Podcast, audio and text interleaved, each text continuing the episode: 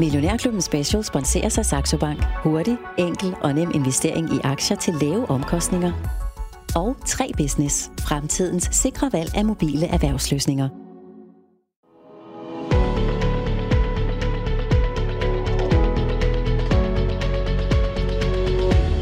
Velkommen til Millionærklubben Special med Pernille Indgaard. Digital sundhed, finansielle teknologier og intelligente bygninger. IT-koncernen Trifork rummer mange af fremtidens frække ord, har blandt andet været med til at udvikle NemID-appen MobilePay og det digitale coronapas. Fra 2007 til 2014 var selskabet noteret på den danske børs, og fra juni 2021 har det så igen været muligt for investorer at købe en bid af Trifork, da selskabet gjorde comeback på børsen med stifter Jørgen Larsen i front. Velkommen til denne specialudgave af Millionærklubben, hvor vi inviterer topcheferne fra de danske børsnoterede selskaber på besøg her i studiet til en snak om fortiden, nutiden og forventningerne til fremtiden, og især velkommen til dig, Jørgen Larsen. Mange tak, Pernille. Sidst vi to vi øh, mødte hinanden, det er for godt fire år siden, da jeg lavede en, en podcast-serie fra, fra Schweiz, hvor, øh, I, hvor Trifork har haft hovedkontor siden øh, I forsvandt fra børsen i, øh, i 2014. Hvilke overvejelser lå der bag øh, afnoteringen og, og flytningen for syv år siden? Jamen altså, man skal lige uh, skrue tilbage til øh, 2007, hvor vi lavede vores første entry på øh, hovedmarkedet i København, Nasdaq OMX.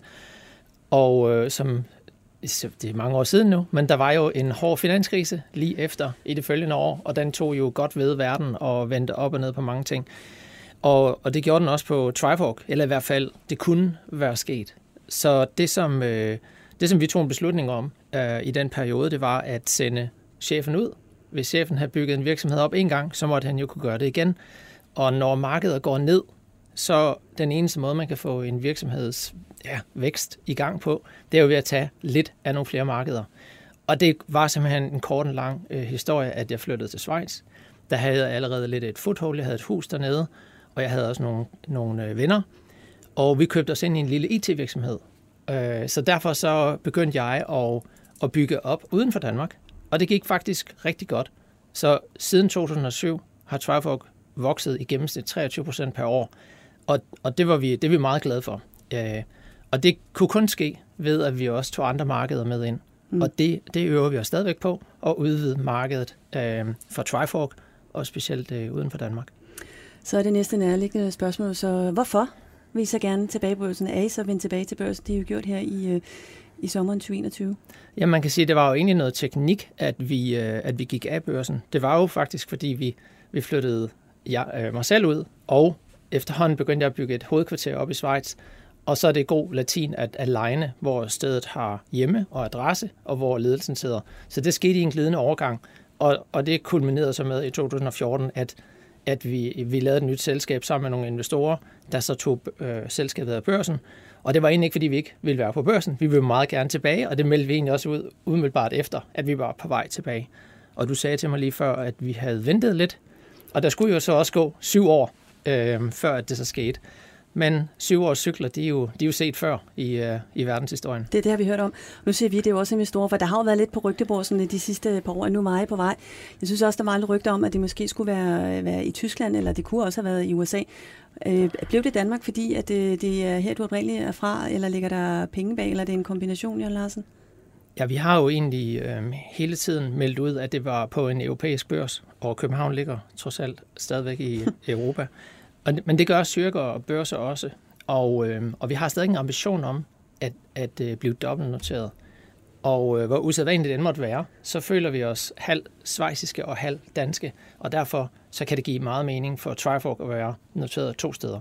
Mm. Så vi, på den måde, vi har to hjemmemarkeder, kan man sige. Og her i øh, dags dato, det står vi altså her i, i midten af august, der venter vi stadigvæk på, på, på en dobbeltnotering. De investorer, du gerne vil øh, have med på, på jeres fremadrettede rejse, hvad er det for en type, du gerne vil invitere ind for, Jørgen Larsen? Altså, vi har jo fået nogle fantastiske investorer med ombord i forbindelse med vores børsnotering her i foråret. Og, øh, og vi, vi har et godt samarbejde med dem. Vi glæder os til at skal have en dialog med dem, også her i næste uge. Du berørte før, at vi kommer med, med regnskab første gang efter vores notering. Mm. Og, øh, og vi, vi glæder os til en dialog, øh, og vi holder selvfølgelig også en konstant dialog. Vi har det sådan i Trifork, at vi vil meget gerne have, at, at de investorer, der er med i Trifork, at de også hjælper lidt til med at skaffe noget forretning, sådan så det er lidt noget for noget. Vi gør måske en god investering for dem, forhåbentlig. Og, øh, og så kan de hjælpe os med at øh, nogle introduktioner til nogle kunder. Det er den ene, det er den ene øh, aktionærkreds. Den anden aktionærkreds, som er mindst lige så vigtig, det er alle vores medarbejdere. For vi vil egentlig gerne have, at de skal tage del i, øh, i den værdistigning, der har været øh, igennem mange år, og som vi, får, vi håber 7 13 også kan være det de næste mange år. Og på den måde øh, ligesom være, være med til, og jeg har fået del af, af succesen. Mm. Ja. Nu er på, at I vækstede 23 procent. Øh, da I blev afnoteret i 2014, der var jeres markedsdel lidt over 240 millioner kroner. Den er jo 10 dobbelt i, i dag. Hvis mm. vi ser bort for tallene, hvad mener du så er den største forskel på, på Trifork er nu 2014 og øh, i dag 2021? Jamen, det er jo primært øh, det totale, øh, den totale omsætning og antal af medarbejdere. Fordi ellers så øh, alt andet øh, har vi jo faktisk en, en filosofi og en kultur omkring at holde det samme. Så Trifork skal opfattes som en klynge af mindre virksomheder. Og i dag har vi op mod 50 øh, forretningsenheder. Og det kunne være, at det blev til 100 en dag. Øhm, og det betyder jo så, at hvis man er i en forretningsenhed, jamen så ser verden ud på samme måde øh, i dag, som den gjorde i 1999 for eksempel. Mm. Det miljø, du er kommet tilbage til på, på den danske børs, hvordan vil du så beskrive det? Altså hvad der skete der i forhold til sidste gang, du havde snuden fremme her? Altså, det er jo, det er jo, nogle, det er nogle andre investorer, vi har i dag. Mm. Det er mm. nogle andre aktionærer, vi har. Så det er jo nogle, det er jo nogle øh, fonde, det er professionelle investorer, det er institutioner, og det er klart, det havde vi ikke i første omgang. Første omgang, der var det lidt, øh, der var det lidt vores, øh, det var venner af huset, der var investorer, og nogle kunder, og sådan lidt forskelligt. Friends and foes. Ja, det var det. og, og det er, det vil vi da også gerne betragte de øh, aktionærer, vi har i dag, som, men det er selvfølgelig en mere professionel karakter. Men ellers vil jeg sige, at øh, vi er blevet taget utrolig godt imod. Øh, men det er jo også tankevækkende, at den virksomhed, der egentlig øh, motiverede os for at gå på børsen, det var faktisk Seabrain. Og de holdt jo egentlig fast. Jeg kender ikke meget til Seabrain, skal siges, men jeg ved, at de stadig er på børsen. De har været der, mens du har været væk. de har været der, og, og de har jo egentlig en utrolig værdi i dag. Mm. Øh, så, så det er jo... Øh, ja, så det, det er jo godt. Så de har jo egentlig øh, haft det godt under, under hele turen, kan man sige. Mm. Nu kalder jeg et, øh, et IT-selskab, øh, Jørgen Larsen, hvis øh, man tjekker jeres hjemmeside, og jeg har også hørt dig selv sige, det er Next Gen IT-selskab. Hvad ligger der i det ord? Jamen, jeg kan egentlig øh, tage et godt eksempel, og det er et af vores seks forretningsområder, der hedder Smart Building. Og hvis man nu øh, ser på den, den øh, udvikling, som biler har været igennem, hvis man kan huske sin mormors bil eller farfars bil eller sådan noget, der var ikke meget software i den. Det var noget benzin og noget mekanik og nogle stempler, der larmede ud foran, og så måske et batteri og så nogle få ledninger til blinklyset. I dag, der er det jo faktisk primært software, der er i biler. Og den største del af at udvikle et nyt øh, øh, køretøj, det er udviklingen i software. Og det er jo så noget, øh, bilfabrikanterne har holdt meget tæt til kroppen. Det er svært at komme ind og være med til at udvikle software til biler, fordi det er meget konkurrencepræget blandt de brands, der er på verdensmarkedet. Så hvis man nu lige siger, kunne det samme ske i bygninger. Og det er det, vi tror på. Vi tror på, at en bygning i virkeligheden i fremtiden bliver en platform for software, således at det er software, der styrer, hvordan øh, bygningen udvikler sig, og så man måske kan let detektere, hvis der kommer vand ind i en bygning. Altså du har du samlet med en, med en smartphone et hus og med en smartphone, eller ja. hvordan? Ja. ja, men jo også, at huset måske får sit øh, eget liv, og at øh, huset gør, som man gerne vil have det til at gøre. Hej, det er Pernille Ingegaard. Jeg er på vej hjem. Jeg fryser lidt om tæerne. Kan I lige skrue lidt op for gulvvarpen, inden jeg lander her om 30 øh, minutter? Lige præcis. Det er så fint. vi skal ikke meget med ned i det, øh, Jørgen Larsen. I er til stede i 10 lande i Europa og Nordamerika. Cirka 800 medarbejdere fordelt på, på 47 forretningsenheder. Tre overordnede forretningsområder. Digital sundhed, finansielle teknologier, smart building, som vi lige var inde på her. Tre underliggende, det er Cloud Operations, Cyber Protection og Smart Enterprise. Og vi skal åbne alle de skuffer, og vi skal kigge ned i dem og se, hvad der er, der ligger der. Men jeg kunne godt lige tænke mig at lige få sat scenen, den her med, hvor og hvornår er det, at uh, historien om, om Trifork begynder? Jamen, den begynder jo i 96, og, og faktisk lidt et halvt år før, hvor jeg og en kollega i en IT-virksomhed i Hadsund øh, besluttede os for, at vi tror, vi kan gøre det bedre. Sådan er det, når man er meget ung og naiv, så den arbejdsplads, man er på, så har man måske en idé om, at øh, det der, det kan man man skal ud og vise verden, hvordan ny teknologi skal bruges. Det er så også derfor, vi i dag er meget opsatte på, at vi bruger ny teknologi, sådan så de unge, der arbejder hos os, ikke skal få samme idé. Øh, så vi er, meget med på noderne, og gerne foran også nogle af de unge. Nu er du bare ældre og lidt klogere. Ja, og nu har vi et system, der ligesom mm-hmm. tvinger os til at følge med i verden. Øhm, det er utrolig let at, at blive lullet i søvn på en eller anden perron, og det, det duer ikke lige i vores verden. Vi skal være helt fremme i skoene. Mm. Så vi startede dengang, to mand, øhm, og øh, vores mission var simpelthen at bringe ny teknologi ud til industrien. Nye programmeringssprog, nye teknologier, nye databaser. Og jeg tog faktisk et kig her forleden på vores øh, hjemmeside fra 1998, det er et par år siden. Um, og der så jeg, at der, at der var noget sådan, der var en graf-database. Øh, og i 1998, der var der ikke mange, der havde hørt om det. Men det var noget, vi, øh, det var noget, vi solgte. Vi havde en forhandleraftale med et tysk firma, der udviklede den her moderne database. Og i dag, der er grafdatabaser noget af det mest hippe i øh, softwareverdenen. Så nogle gange skal man vente en 20 år på noget, der slår igennem.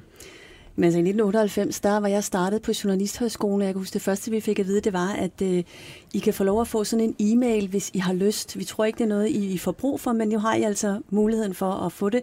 Og I kan også bruge det der internet til research. Altså det er op til jer, men vi har jo stadigvæk biblioteket, som øh, I nok vil foretrække at bruge det har jo så ændret sig lidt, må man sige. Det gik ret stærkt, øh, det gik lige, stærkt. lige pludselig. Ja, det gik stærkt. Så hvad er din, øh, din baggrund rent uddannelsesmæssigt, John Larsen? Det er et spørgsmål, vi tit får her i Millionærklubben for, for unge, der gerne vil i gang. Altså, hvis jeg gerne vil være iværksætter, hvis jeg gerne vil ind for det her, hvordan skal jeg så ruste mig rent uddannelsesmæssigt? Ja, det er ikke sikkert, at man lige skal gøre, som, som jeg har gjort, mm. fordi jeg har brugt 11 år på at uddanne mig, og det var lang tid. Så jeg startede først i 83 hos øh, Mærsk Møller, som maskinmesteraspirant var ude at sejle på verdenshavene, på de syv verdenshave, så utrolig spændende og lærte alt om kølekompressorer, store stempelmaskiner og elektronik og computer. Alt, hvad der ligesom øh, skulle til for at få det der lille samfund til at fungere, som man har ude på et skib. Øh, derefter så tog jeg så en datalogisk uddannelse som civilingeniør inden for datateknik på Aalborg Universitet. Og med de der 11 år i skoletasken, der var mange bøger, der skulle traverseres igennem så var jeg, jeg var egentlig ret glad for det, for det første job. Og jeg var endnu gladere, da jeg så startede som selvstændig, fordi så kunne man ligesom føre det ud i noget praksis, i stedet for alt det her teori. Mm. Ser du dig selv som en skiber på broen? Jamen, jeg ser mig selv øh, øh, som en person, der skal inspirere vores ledere og, og, øh, og facilitere, at de kan inspirere hinanden. Så det er faktisk øh, det, jeg bruger det meste af min tid på i dag. Det er at fortælle historier, ligesom jeg fortæller historier her hos dig, men også hvor at jeg lærer øh, lederne i Trifork fortælle historier til hinanden, så de kan lære af hinanden. Så, vi, mm. så, så jeg er sådan en referee, der står i midten og lærer, lærer vores ledere at spare med hinanden og udfordre hinanden og konkurrere også. Vi kan godt lide at konkurrere lidt. Det har jeg hørt noget om. Ja. Lad, os, øh, lad os åbne, lad os kigge ned i, han har sagt, lad os kigge ned i, i maskinrummet og i, mm. i Trifork, Jørgen Larsen. Sådan helt overordnet, hvilken forretningsmodel er det, I sådan helt ja, overordnet angriber markedet med? Jamen det er jo innovation. Så, så det er ud fra en tese om, at vi, øh, vi har en, en tyrkertro på, at vi kan få bedre verden ved hjælp af software. Så hvis vi øh, oplever et problem, jamen så kan man skrive noget software, der kan, der kan lindre øh, den situation. Og, og det gør vi så ved at gå ud og se på verden. Vi går ud og, og finder de her udfordringer ved at observere på verden, og sammen med vores kunder øh, lave nogle, du kan sige nogle business cases. Og så bygger vi noget software først i en, øh, en lille form, i en version 1, og så bygger vi mere og mere på. Og det er det, er det der kendetegner. Så vi er meget tæt connected med, med slutbrugerne. Vi vil mm. gerne have, at de skal opleve væsentligt mindre stress af at bruge de systemer, som vi leverer, end det, de havde før. Så det er simpelthen det partnerskab, I indgår med jeres øh, kunder øh, til, til gensidig udnyttelse, hvis jeg, jeg må bruge det ja. ord? Ja, mm. vi, kom, vi kommer med et metodeapparat, og vi kommer med en stor viden om ny teknologi, og kunderne kommer ligesom med deres forretning mm. som, hvor de lever jo i en foranderlig verden, ligesom alle os andre. Og, og de skal flytte sig hele tiden. Hvis ikke de gør det, så er der nogen, der, der flytter dem. Når man tænker også, det var også en smart måde at, at, at binde i situationstegn øh, jeres øh, kunder til jer, når der ligger en udveksling af, af viden sammen der. Jeg ser nok på det. Altså, vi, vi er jo meget afhængige af hinanden. Det er sådan en symbiose. Mm. Så, så vi har en del kunder, der ikke rigtig kan leve uden os, og vi kan ikke rigtig leve uden dem. Og det forpligter på en god måde. Sådan så hver morgen, man står op, så, øh, jeg mødte faktisk en medarbejder på, på gaden i går, som er ved til at udvikle coronapasset, øh, den her backend. Yes. Og, øh, og vi falder hurtigt i en samtale omkring, øh, hvad der så lige sket på det, og er der nye features, og hvordan har det gået? Jeg spørger selvfølgelig, har der, har der været nogle nedbrud eller nogle problemer? Ikke? Fordi det ved jeg jo, så øh, hvis de bliver for store, så, så bliver jeg ringet op. Mm. Og det siger han, det har der ikke, og der er de her features på vej, og snart kan udlandsdanskere, som jeg selv, også gøre bedre brug af coronapasset. Det er jo ofte sådan, at det teknologi, Trifork udvikler, i hvert fald i Danmark, mm. det har jeg ikke så meget nytte af. Jeg kan for eksempel ikke bruge mobile pay, fordi det virker ikke for udlandsdanskere. Tankevækkende. Ja, egentlig faktisk, ja. ja. Øh, men øh, coronapasset har jo udviklet i blandt andet sammen med øh, Netcompany, et andet mm-hmm. stort dansk virksomhed. Hvordan, hvordan foregår det, det, det samarbejde rent praktisk, Jørgen Larsen? Jamen det foregår jo ved, at, at, at André og hans sekundant og jeg og vores folk, Jesper Karø, deres direktør, ja. ja, ja. at, at at vi tager nogle dialoger omkring, hvordan kan vi det her samarbejde til at køre på den mest smidige måde. Vi, kører, vi har også mange idéer til, hvordan man så kan også bruge den her viden i andre lande. Og, øh, og så er der selvfølgelig en, der er jo det offentlige, der skal komme et udbud, som vi så skal byde på. Og, øh, og det var jo så, så, så lykkeligt, kan man sige, at, øh, at vi vandt noget af det, øh, og øh, Netcompany vandt noget andet af det. Og det skulle vi jo så have til at fedt rigtig godt sammen. Og der gælder det om at få lagt alle former for parader ned, og så smøge arbejds, eller, øh, skjorten op, mm. arbejdstøjet på, og så bare få det til at lykkes så hurtigt som muligt. Og det har vi været, øh, det har vi været dygtige til, og vi har et, et fortrinligt samarbejde med uh, Netcompany. Nå, for jeg tænker også, er det ikke sådan, at man også, øh, altså, I skal både have et samarbejde til at fungere, men der er vel også noget med at holde kornet lidt uh, tæt til holden, sådan en IT-virksomhed som jeg, man ikke får givet noget væk til konkurrenten? Nej, det vil jeg ikke sige. Mm. Altså, fordi der er jo sådan set ikke, der er jo intet hemmeligt i det, vi gør. Der er jo ikke noget hemmeligt i det, Netcompany gør, eller det, som, som Trifork gør. Uh, vi har jo vi har endda en YouTube-kanal, som har haft mere end 25 millioner views, på vores tekniske videoer. Og hvis man gider gå ind og kigge, øh, det tager godt nok, øh, eller 310 år har der, har der været kigget på vores øh, videoer. Så det er jo ikke noget, man lige gør. Men der er ikke noget, der er hemmeligt i det, vi gør. Vi følger jo egentlig bare industriens standarder og ligesom best practices. Og kan man sætte sig ind i dem, så kan man gøre det samme, som, som både Netcompany og Trifork kan. Mm. Der er ikke noget hemmeligt. Vi patenterer ikke ret meget. Jeg tror ikke, Netcompany har nogle patenter. Jeg ved det ikke. Vi har i hvert fald ikke. Mm. Så for jer gælder det om at være forrest i bussen hele tiden, hele tiden, hele tiden. Hele tiden foran. Mm. Og det handler, som du sagde indledningsvis, om, øh, om innovation, og I har mange måder at gå til det på. Øh, en af de ting, jeg gerne vil hive fat i, og det, som jeg blev mærke i, da vi talte sammen for fire år siden, det, det er den her flade organisation, I har. Øh, og I laver, øh, hvad, hvad kalder I det, pop-up virksomheder, hvor der kun er et vis antal medarbejdere, og det må ikke overstige det antal, så går I videre til noget andet. Jeg tror, der er fået, det hedder en er det en TIL-organisation, det, det, det begreb, men som du egentlig har gjort fra start. Den måde, du, du bygger din organisation på, øh, hvordan er det, Jørgen Larsen? Jamen det er jo, vi har, vi har noget, et, øh, vi har en regel, som hedder no more than 42. Øh, 42 er sådan et kryptisk øh, og magisk tal i softwareverdenen. Hvorfor? Fordi det, det, er, det er fra en bog, der hedder The Hitchhiker's Guide to the Galaxy. Og, øh, og der er der så en supercomputer, der forsøger at, at, at, at finde svaret på alle spørgsmål i universet og meningen med livet. Og, og den beregner så i tusindvis af år, og så kommer der en seddel ud, og der står 42 på. Så, så, så, øh, så det er jo så lidt noget sjovt noget der, ikke? Men der er mange bøger, der er skrevet omkring, øh, at når der er en gruppe, øh, der bliver større end 50, så forsvinder der noget kultur. Altså, og der er sådan nogle tærskler for, for 50 og 100. Der er også for eksempel øh, Steve Jobs, han havde en liste af navne, som hvis øh, han blev rigtig sur på Apple, som han jo havde gjort en gang, mm. hvilke 100 han ville tage med ud på en øde ø og bygge en ny virksomhed. Så, så vi holder os sådan lidt øh, sikkert under, under de 100. Så, om, så under 50, der vil vi gerne lave det, vi kalder sådan et cellesplit. Det vil sige, at, øh, at en forretningsenhed bliver til to. Og det gør så også, at unge ledere kan få lov til at prøve kræfter med en ny forretningsenhed. Og det, det synes jeg, øh, det, det er et godt princip, og det kender alle i Trifork. Så, de, så der, der er ikke så mange øh, rundsav på albuerne, fordi man ved, der, der skal nok komme en ny businessenhed, man kan blive chef for, hvis man gerne vil være chef. Hvor mange celler er der i dag? Jamen, der er øh, lige øh, under 50 i dag. Ja. Mm. Og der skal ikke være mere end, der skal være mellem, mere, der skal ikke være flere end 100, eller hvor er vi henne her? Nej, der skal, altså så, øh, der må være lige så mange forretningsenheder, altså, som det skulle, det skulle være, om, om det er 1000 eller 10.000. Der er en kendt analytiker i Danmark, der har, der har forklaret i hans analyserapport, at han mente ikke, det virkede, hvis der var mere end 100 forretningsenheder. Og det, det har vi ikke kommenteret så meget på, andet end at det kan jeg ikke lige se nogen op, øh, oplagt grund til. Så jeg har da ikke tænkt mig at gå på pension, før vi i hvert fald er på den gode side af 100, og det stadigvæk fungerer godt. Hvordan holder du styr på alle dine, dine celler, dine forretningsenheder, Jørgen? Jamen det gør vi jo ved, at, øh, at vi samler øh, cirka 8-10 ledere ad gang. Og, øh, og så lader vi dem spare med hinanden. Og det vil sige, at øh, de her forretningsenheder leder egentlig hinanden, og sparer med hinanden, og konkurrerer med hinanden.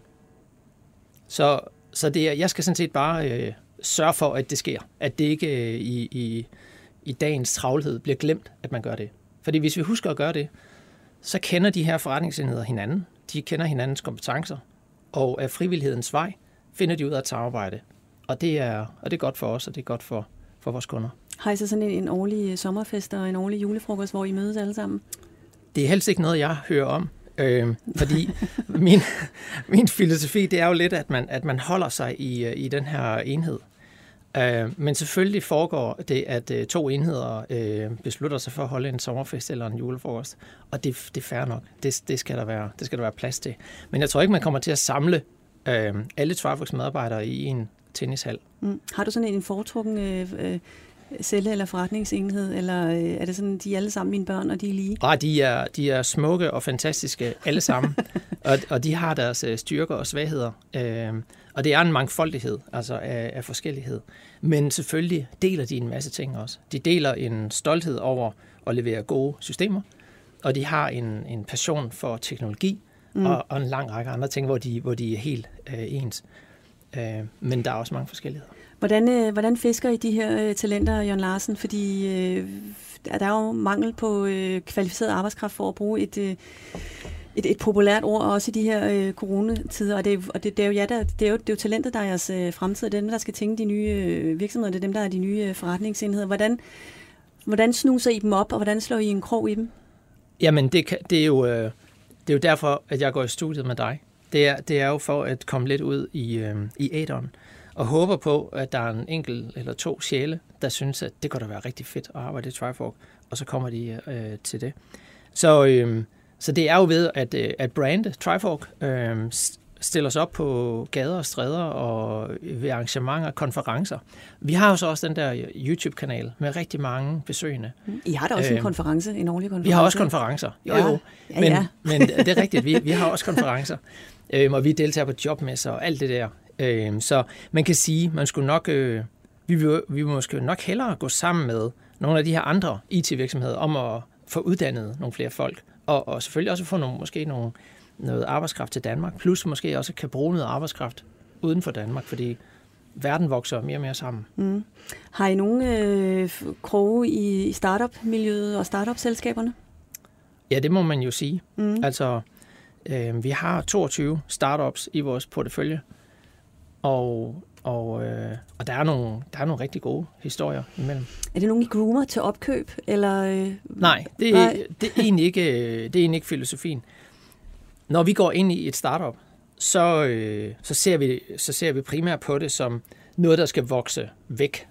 Men i den tid, hvor at det vokser op, der skal vi kunne høste frugterne af de der teknologier, der bliver udviklet i, i selskaberne. Mm. Øh, hvis det giver mening. Fordi øh, værditilvæksten i sådan en startup skal gerne blive så stor, så at Trifork ikke har råd til at købe selskabet ind i Trifork. Så hvis jeg køber en aktie i Trifork, så køber jeg også en aktie i øh, en række startup-selskaber, eller hvordan? Ja, det gør man. Mm. Lad os kigge lidt på jeres, øh, jeres øh, forretningsområder, Jørgen Larsen. Men jeg skal lige sige til alle, med, det her det er en specialudgave af Millionærklubben. Jeg er Pernille Indgaard, og med mig i studiet har jeg altså stifter og grundlægger og administrerende direktør for IT-selskabet Trifork. Millionærklubben Special sponserer sig Saxo Bank. Hurtig, enkel og nem investering i aktier til lave omkostninger. Og 3 Business. Fremtidens sikre valg af mobile erhvervsløsninger.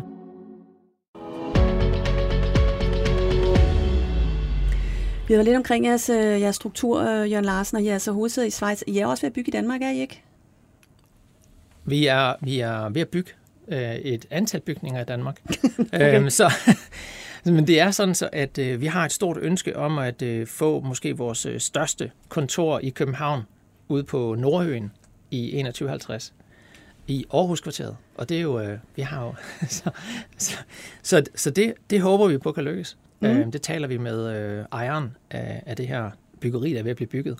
Og vi forsøger selvfølgelig også at blande os i, hvordan det så skal bygges, fordi det er jo sådan, vi nogle gange er. Vi vil jo gerne have noget ny teknologi ind, som vi kan programmere. Og vi har også noget at byde ind med, må det har vi. sige. Ja. Det er digital sundhed, de finansielle teknologier, og så er det smart buildings. Vi har været omkring mm-hmm. det. Er de her tre øh, ben hos jer i sådan ligeværdige, eller er der et, hvor siger, det her det er der tryk på lige nu? Man kan sige, at de der seks ben, vi har, er ligeværdige. Vi mm. kalder dem tre horisontaler, og så, øh, og så tre vertikaler. Og horisontalerne, som du øh, nævnte før, som dem, der lå under, det er ikke, fordi de er mindre vigtige, men de udgør mere et fundament for de tre øh, vertikaler, altså hvis det giver mening. operations ja, fordi og cyber og smart de, enterprise. Alle de mm. systemer, mm. vi bygger, skal bygges således, at vores øh, cloud operation kan operate det, og det vi kalder runne det, altså sørge for, at det hele tiden kører. Digital sundhed, hvad dækker det over, Jørgen Larsen? Jamen, det dækker jo over at, øh, at gøre øh, behandling af borgere og patienter mere sikker. At, at mindske friktion mellem sundhedsvæsenets øh, parter, det vil sige de her speciallæger og, og, og grupper, der behandler os, når vi bliver syge, at de har altid den information til rådighed, når de har brug for den. Men også, det handler også om at involvere borgeren noget mere. Jeg tror, vi alle sammen skal tage mere ansvar for vores eget helbred. Vi kan også se, at der er en tendens i, at vi går rundt med flere og flere dibidutter, der måler det ene og det andet. Og jeg var selv oppe på sådan en maskine for, i sommerferien, som min hustru havde købt. Så spurgte hun, om jeg var interesseret i at vide, hvor meget vand og fedt jeg havde i kroppen. Nej, så sagde tak. Jeg, så sagde jeg, nej, det havde jeg ikke specielt øh, interesse i. Øh, men det havde jeg jo i virkeligheden. Der var jo sådan 50 procent af mig, der ligesom gerne ville det, og 50 procent, der, der sådan ikke havde lyst til at kende det svar.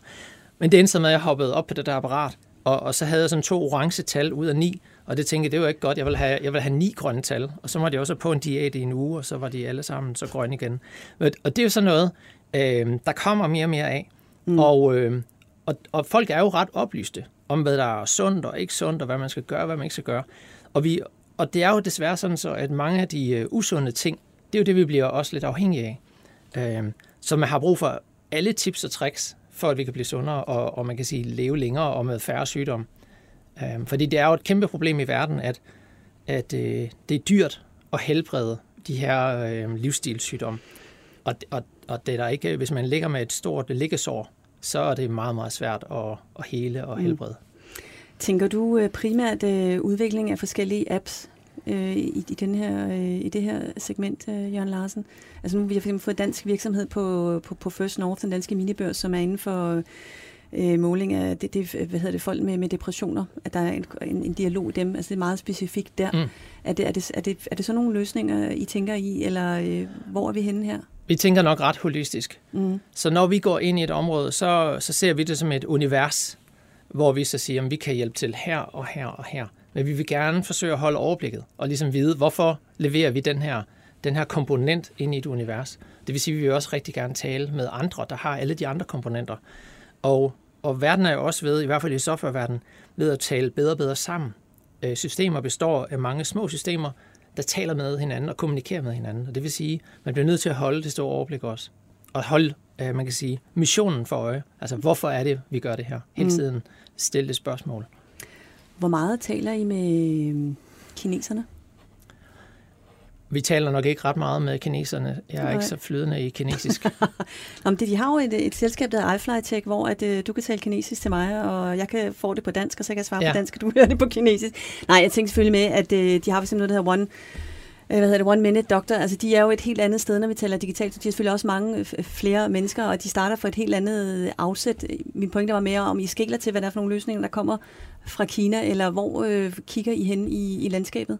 Altså verden er jo meget transparent, og det vil mm. sige, øh, udviklinger øh, af den ene eller anden karakter, de, øh, de racer øh, jorden rundt på, på nogle få minutter, og ender forhåbentlig i en af vores øh, YouTube-videoer. Så, så øh, vi skiller ikke direkte til, hvordan man gør i et enkelt land. Mm. Øh, vi fokuserer også rigtig meget på de kunder, vi har, og de markeder, vi er i, og så koncentrerer os om at, at løse de problemer, der ligesom er lige foran os.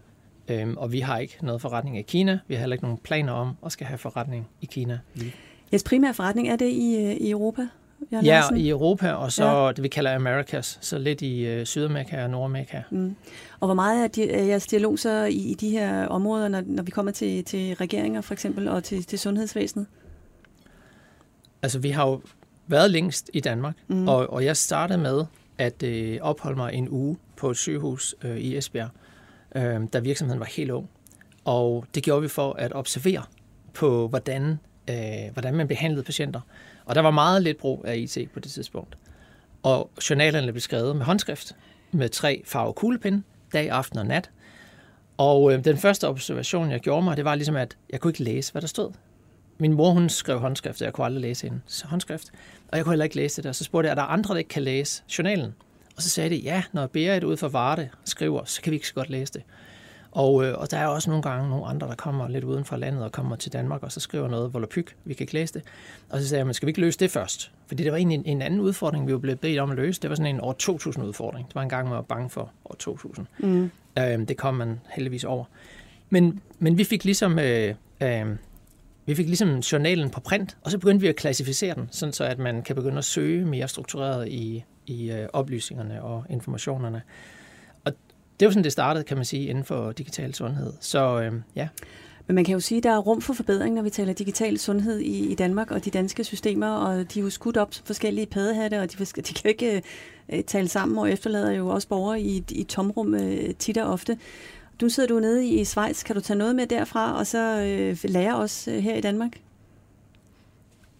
Alle lande kan lære hinanden. Jeg vil mm. nu sige, at det helt generelle billede er, at Danmark er et, et ret godt sted rent softwaremæssigt inden for digital sundhed.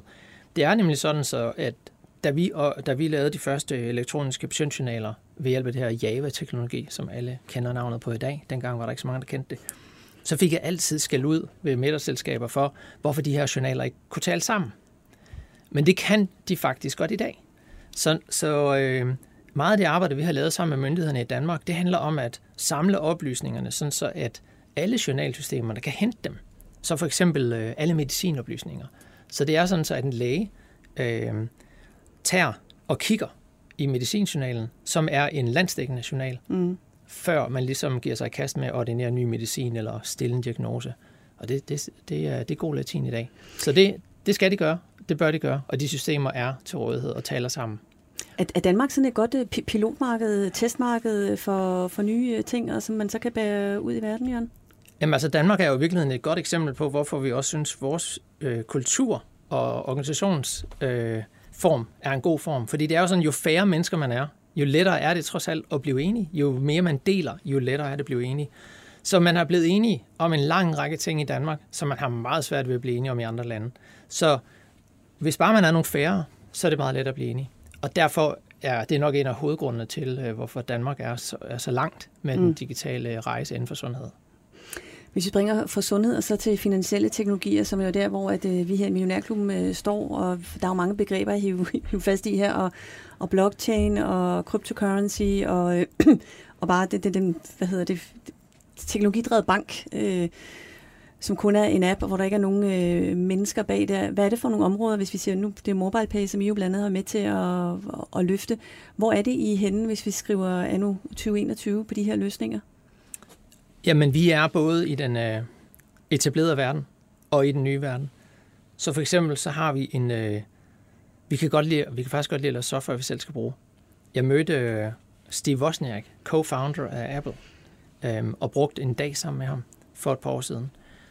Og han cementerede ligesom nogle holdninger, jeg havde, som lå lidt dybt måske, men han fik dem helt frem. Det ene, det var, vær altid positiv. Se altid lyst på verden, fordi så er det lettere at løse de problemer, du har foran dig. Det andet, han sagde, så vidt muligt, så arbejder med noget, hvor du har en passion, og hvor du har et stort engagement. Og hvis man skal lave noget software, som man selv skal bruge, så er man bare meget motiveret. Og for eksempel, så er vi jo en virksomhed, så vi er i gang med at hjælpe nogle banker med at lave en ny erhvervsbank. Og det synes vi er fantastisk interessant, fordi måske kan vi få det lidt lettere. Det er jo sådan så, at min CFO og jeg og andre, vi er jo lidt belemret af, at vi, vi har nogle arbejdsgange med nogle penge, der skal flyttes rundt og godkendes nogle bilag og, og hvad vi jeg, og overføres til en bank. Og det er, det er ikke særlig avanceret. Altså den danske bankverden har, har måske stået lidt stille på det område de sidste 10 år, øh, hvor et consumer bank, det er jo blevet meget selvbetjent. Og, og der synes vi, at det trænger til et stort løft inden for erhvervsbank. Så det glæder vi os til. Det er den ene, det kan man sige, det er det, jeg kalder den etablerede verden. Mm. Så er der den nye verden med de her challenger banks, som popper op hele tiden. Det er ligesom om, at hver uge møder jeg en uh, entreprenant sjæl, som har lyst til at lave en bank. Og vi ved godt alle sammen, at det bliver sværere og sværere at lave en bank, men der er flere og flere, der har mod på det. Og det er jo også det gode ved, ved ungdommen, og hvis ikke man har prøvet det før, så kaster man sig bare ud i det. Og man lykkes sikkert med det, fordi man ved ikke, hvor svært det er, når man går i gang. Og det er godt. Så vi hjælper faktisk et antal øh, challenger banks med teknologi. Og der findes startups i verden, som har det, man kalder sådan nogle core bank løsninger, man lige kan tage ud af skabet, som er ret billige. Og det vil sige, det er mange, mange hundrede gange billigere end, end de løsninger, som de store banker ligger ind med. Mm. Og, de, og de her nye løsninger, der er billige, de er også lavet på meget moderne teknologi, så de er lettere at integrere med. Det virker som om, I spiller på alle heste i øjeblikket, øh, Jørgen Larsen. Der, inden for vi, det her område? Ja, vi, vi, spiller på de her, ja. vi spiller på de her seks forretningsområder inden for fintech. Når man tænker finansielle, altså når vi siger, den der ja. nye, når nu bare for at blive inden for det område finansielle teknologier, ja, fordi der vi, en, har været en retorik, hvor jeg siger, at de gamle banker dør, og det bliver de nye. Det lyder på dig som om, at siger, at vi kan godt løfte alle. Ja, øh, altså man kan det, sige, det, vi vores, gør lige nu. Ja, da, da vi startede 96, så handlede det rigtig meget om at vise de etablerede virksomheder, hvordan man kunne bruge ny teknologi. Der har vi sørme ikke opgivet. Så enhver kunde, enhver virksomhed i Danmark, og for eksempel inden for fintech, som gerne mm. vil hjælpes med at bruge ny teknologi, det vil vi gerne hjælpe med. Fordi vi tror egentlig aldrig, det er for sent at sadle om. Men det er også klart, at man bliver nødt til at vise det med nogle eksempler på, hvordan de nye frække banker gør det. Fordi de gør bare nogle super smarte ting. Og, øh, og man kan jo ikke man kan jo ikke få de der etablerede banker i tale, hvis ikke man ligesom kan pege, se, vi har med til at løse det her 10 gange hurtigere, end I normalt ville kunne have gjort det. Mm. Og det er det, der får det er jo det, der får folk til at vågne op og tænke, okay, så kan vi måske også. Hvordan tror du selv, vores øh, finansielle system, vores banksystem ser ud om en 5-10 år, Jørgen Larsen, hvis vi også i denne her gryde hælder Ant Financial med ned, altså de, de store altså big tech-selskaberne? Jamen, jeg håber, at det hele bliver meget mere øh, smidigt. Altså, at, at man, øh, når jeg køber en rejse, på trods af covid og alt muligt andet, øh, så rejser jeg dog. Øh, det har været meget mindre de sidste par år, men nu begynder det ligesom at gå igen. Og jeg møder jo ofte, at, at det er egentlig ret besværligt at købe en rejse eller et hotelværelse, og man skal igennem mange steps, og man føler ligesom, at man har været der tusind gange før med de samme ting. Og man tænker, og man skal også lige trykke på det der cookie. Det er en helt anden... Øh, djævel. det er en helt anden snak. Det er en helt anden djævel, der er kommet ind. ja. Så først den der cookie skal væk, og så er de her apps, som på et tidspunkt faktisk var lækre, og de havde ikke øh, det der cookies, og de kunne også huske tingene fra gang til gang. De vidste ligesom, de kendte ens navn, og hvilke præferencer man havde, om man ville sidde på venstre eller højre side af gangen, og alt det der i flyet. Og, og de er lidt forsvundet, fordi nu skal det hele være sådan noget webteknologi, hvor man først skal trykke på en cookie, og så ved de jo ikke noget som helst om en. Og det er ærgerligt. Så det, der er lidt et tilbageskridt. Så jeg håber, at vi kan komme lidt tilbage, at, at tingene faktisk bliver lettere at bruge igen. Mm. Og det ville jo også være rart, hvis øh, at det her, altså man kunne ligesom, øh, at de kan læse ens tanker og, og de kender, appsene kender ens præferencer. Jeg, jeg så et interview med Elon Musk, han siger jo mange mærkelige ting. Men der var en ting, jeg synes, der faktisk var rigtig fornuftigt, det var, at han siger, jamen hen over de sidste 10 år, så er vi jo alle sammen blevet superhumans, fordi vi har den der smartphone i hånden, som vi er meget hurtige til at slå op i, hvis der er noget, vi er i tvivl om. Det kan være, at man lige skal stave et eller andet, og man lige tjekker op, bum, så ved man det. Regn et eller andet ud, tjek en kurs, gør hvad, hvad man nu lige har lyst til. Det kan man gøre lynhurtigt ved hjælp af sin en lille lommetelefon. Og og hvis den her telefon, den ligesom kunne bare blive endnu bedre, altså den er jo interfacet til hele verdens IT, så jeg håber på, at tingene bliver mere smidige. For eksempel også, når man skal gå ind i en bygning. Hvis bygningen ligesom siger, jeg ved godt, hvem du er, øh, så du må gerne komme ind her. Nu stod jeg og skulle ind her udenfor. Det var byg- en proces. Bygningen vil ikke lukke mig ind. Nej. Nå, men det har vi også, altså det, det ser vi lidt nu også det her med, at der har vi fået også en anden dansk virksomhed, det her med, med mapping af, af, af virksomhederne, ja. og at jeg sidder derhjemme og siger, at jeg skal ind til Berling, skal vise mig, hvor jeg kan parkere, hvad for kontor ja. jeg skal være på, og hvordan jeg kommer derind, og hvad er transporttiden, ja. alle der. Jeg husker også et andet ord, da vi talte sammen for nogle år siden, øh, Jørgen Larsen, du brugte det her øh, kentaurmennesket, altså det med sammensmeltning af, af mennesket, og maskine. Og når jeg hører det ord, og også siger det nu, så bliver jeg umiddelbart jo meget forskrækket over det. Øh, og det her med kunstig intelligens, på dig lyder det som om, at du, du har sådan et, øh, jamen altså verden bliver kun øh, nemmere og nemmere, jo mere vi får en sammensmeltning her, en større smidighed. Ja, og jeg tror, vi skal altså der er jo en ting, vi skal passe på, det er, hvor mange informationer vi deler med dem, vi måske ikke vil dele med. Mm. Det, er, det er jo gået. Det er jo derfor, man har de der cookies. Det er jo fordi, at øh, nogen i EU har ligesom sagt, er I egentlig klar over, hvor meget I deler med øh, den og den virksomhed. Og det er klart, det er jo ærgerligt, at, at der er nogle virksomheder, der har ligesom taget for sig af retterne og solgt vores data. Det, det synes jeg selvfølgelig ikke er okay overhovedet. Man må ligesom spørge først. Og så, så, øh, så der, skal ske, der skal ske noget regulering af det. Der skal sikkert også ske noget regulering af AI. Og det skal sikkert også ske hurtigt. For det duer jo ikke, at AI lige pludselig overtager vores liv. Øh, teknologi skal være et værktøj for os. Det må ikke være noget, der begynder at kontrollere os og overtager øh, ting.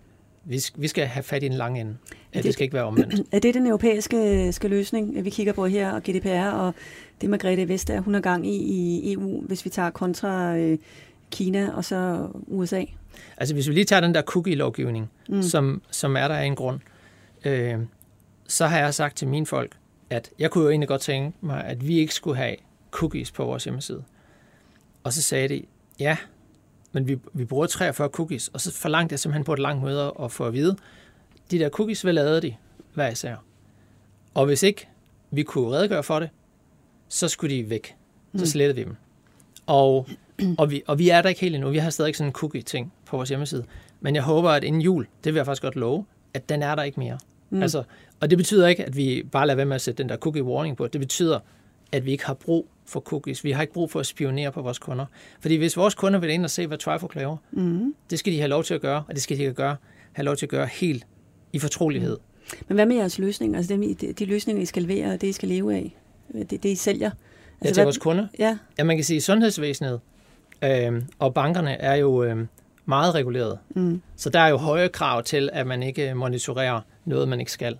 Og det er jo også sådan, så at at når man udvikler en ny løsning til sundhedsvæsenet sammen med sundhedsvæsenets parter, så skal der jo mange gange en særlov til. Det vil sige, at man kan faktisk gå ind og følge med i folketingsdebatten og for og imod, og hvis noget bliver vedtaget, jamen så er det jo demokratiets øh, magt, der ligesom træder ind, men man kan se sort på hvidt, hvad det er, det her system får lov til at gøre, og det får ikke lov til at gøre mere. Og vi sørger for, at, at det kode, vi skriver, er i fuldstændig overensstemmelse med den lov, der er. Så der er en stor transparens. Så det, så, så det synes jeg er godt. Problemet er mere der, hvor at folk bare tager sig for sig af retterne. Ikke? Fordi hvis du siger ja til sådan en cookie, og, øh, og hvis du ikke rigtig ved, hvad den gør, det er ikke så godt. Og så hjælper det ikke noget, at du kan læse 200 sider mm. øh, om det, som du ikke forstår. Der er skrevet på jura-sprog. Der på, nej. Jørgen Larsen, hvad glæder du dig allermest til, hvis vi kigger på, på den teknologiske udvikling øh, de næste fem år? Hvad er du mest spændt på? Altså, der er jo mange ting, men jeg vil godt vende tilbage til det her smart building. Fordi det er jo sådan et... Øh... Altså smarte huse? Ja.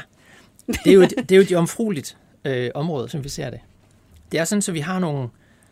I Danmark er vi gode til at bygge huse. Vi har dygtige arkitekter, og vi kan designe ting, og vi bygger med øh, beton og jern og stål og glas og sådan noget.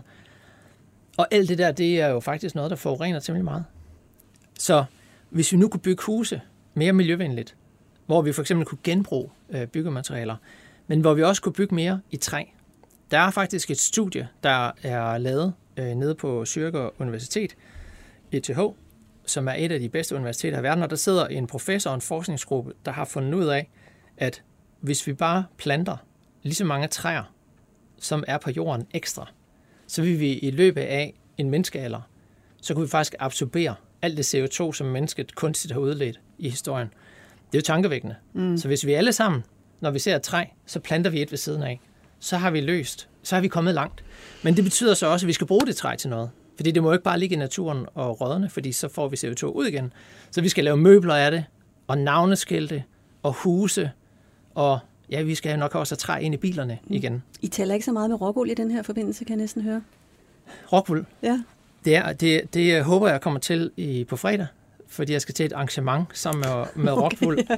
og, og jeg har uh, truffet uh, uh, direktøren et par gange. Mm. Og for nu siger fredag, så er det altså fredag her midt i august, hvor vi optager det her uh, Ja, fordi der, er, der, der er et spændende sportsevent, som er inden for sejlsport, og det er sådan en af mine passioner. Ja, for du har, du har trukket den med fra din tid i Mærsk. Du sejler et, når man googler dig, Jørgen Larsen, så kommer der jo alle mulige, hvor du står på en, en stor lækker båd, og det er jo faktisk det meste, når man, man, man kigger frem. Er det der, du øh, samler ny inspiration, lufter hjernen? Ja, jeg sejler altid. Når jeg lukker øjnene, så er der en bølge, der skvulper rundt. Og, øh, så, det var en meget, meget små billede. så så, så øh, Ja, så det er en god, det er en god meditation. Øh, det, er, det er godt for at meditere, mm. at tænke på det. Det er også sådan, så når man, når man sejler, så er man meget koncentreret om det. Det betyder, at man lukker alt andet væk. Øh, okay, men, det, men sejlsport er også et udtryk for team, øh, teamarbejde. Man kan kun lykkes i sejlsport, hvis man arbejder sammen som team. Så vi bruger faktisk det at tage vores medarbejdere med ud på sejlbåd, så ofte som overhovedet muligt, for at de kan lære at arbejde sammen. Fordi når vi arbejder sammen om software, så er det jo sådan noget, der er lidt usynligt. Og vi kan jo egentlig ikke se, om vi samarbejder optimalt. Om folk kommunikerer optimalt. Og det er jo mm. sådan, at de her udviklere, øh, som laver de her fantastiske systemer, det er jo ikke altid verdens mest ekstroverte mennesker. Det er kendt.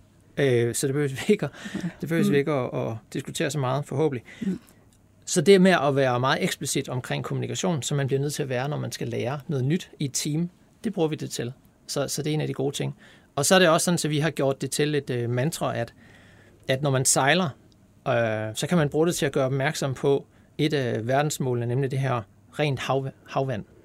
Så det, ligger vi, det er en af vores, uh, det er vores særlige uh, historier, mm. som vi hjælper. Uh, så I, I har plukket på. blandt uh, verdensmålene, og så valgte jeg...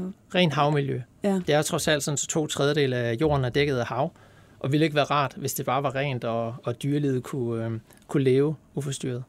Det behøver vi ikke at diskutere, Larsen. Nej. Et aller sidste spørgsmål, inden jeg, inden jeg slipper dig. Hmm. Jeres investorer, dem der er på vej, havde jeg sagt, og dem, der allerede øh, ligesom har kastet penge efter jer, nu vi er på, på den danske børs, øh, hvad kan de forvente jer fra jer her de kommende år? Hvad er det, jeg køber? Jamen, de køber jo, at vi, øh, vi vil rapportere så transparent som overhovedet muligt. Øh, og de køber, at de kan følge med i det her. De køber, at vi har de her seks forretningsområder. Dem vil vi fortælle om, hvordan de udvikler sig, som tiden går. Og, øh, og så kan de altid komme og spørge, og de må meget gerne også komme med nogle kunder til os. Og den her, var det 23 procent i stedet øh, omsætning øh, siden 20? Siden 2007. Det var, det var 7, ikke 14. Den, øh, den fortsætter? Det ved vi ikke. det var meget men, men, vi har, men jeg vil så også sige, at vi, vi har jo i vores øh, prospekt skrevet, at mm. vores øh, midterm guidance er 15-25 procent. Om den bliver 15 eller 25, det må vi ligesom tage år for år. Det var alt, nåede af denne udgave af Millionærklubben. Tak øh, til jer, der lyttede med, og tusind tak til dig, Jørgen Larsen, fordi du kiggede forbi og talte om, om Trifork. Mange tak for, at jeg måtte komme.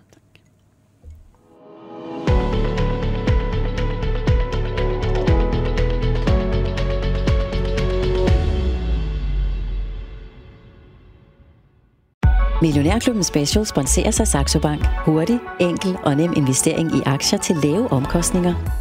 Og 3 Business. Fremtidens sikre valg af mobile erhvervsløsninger.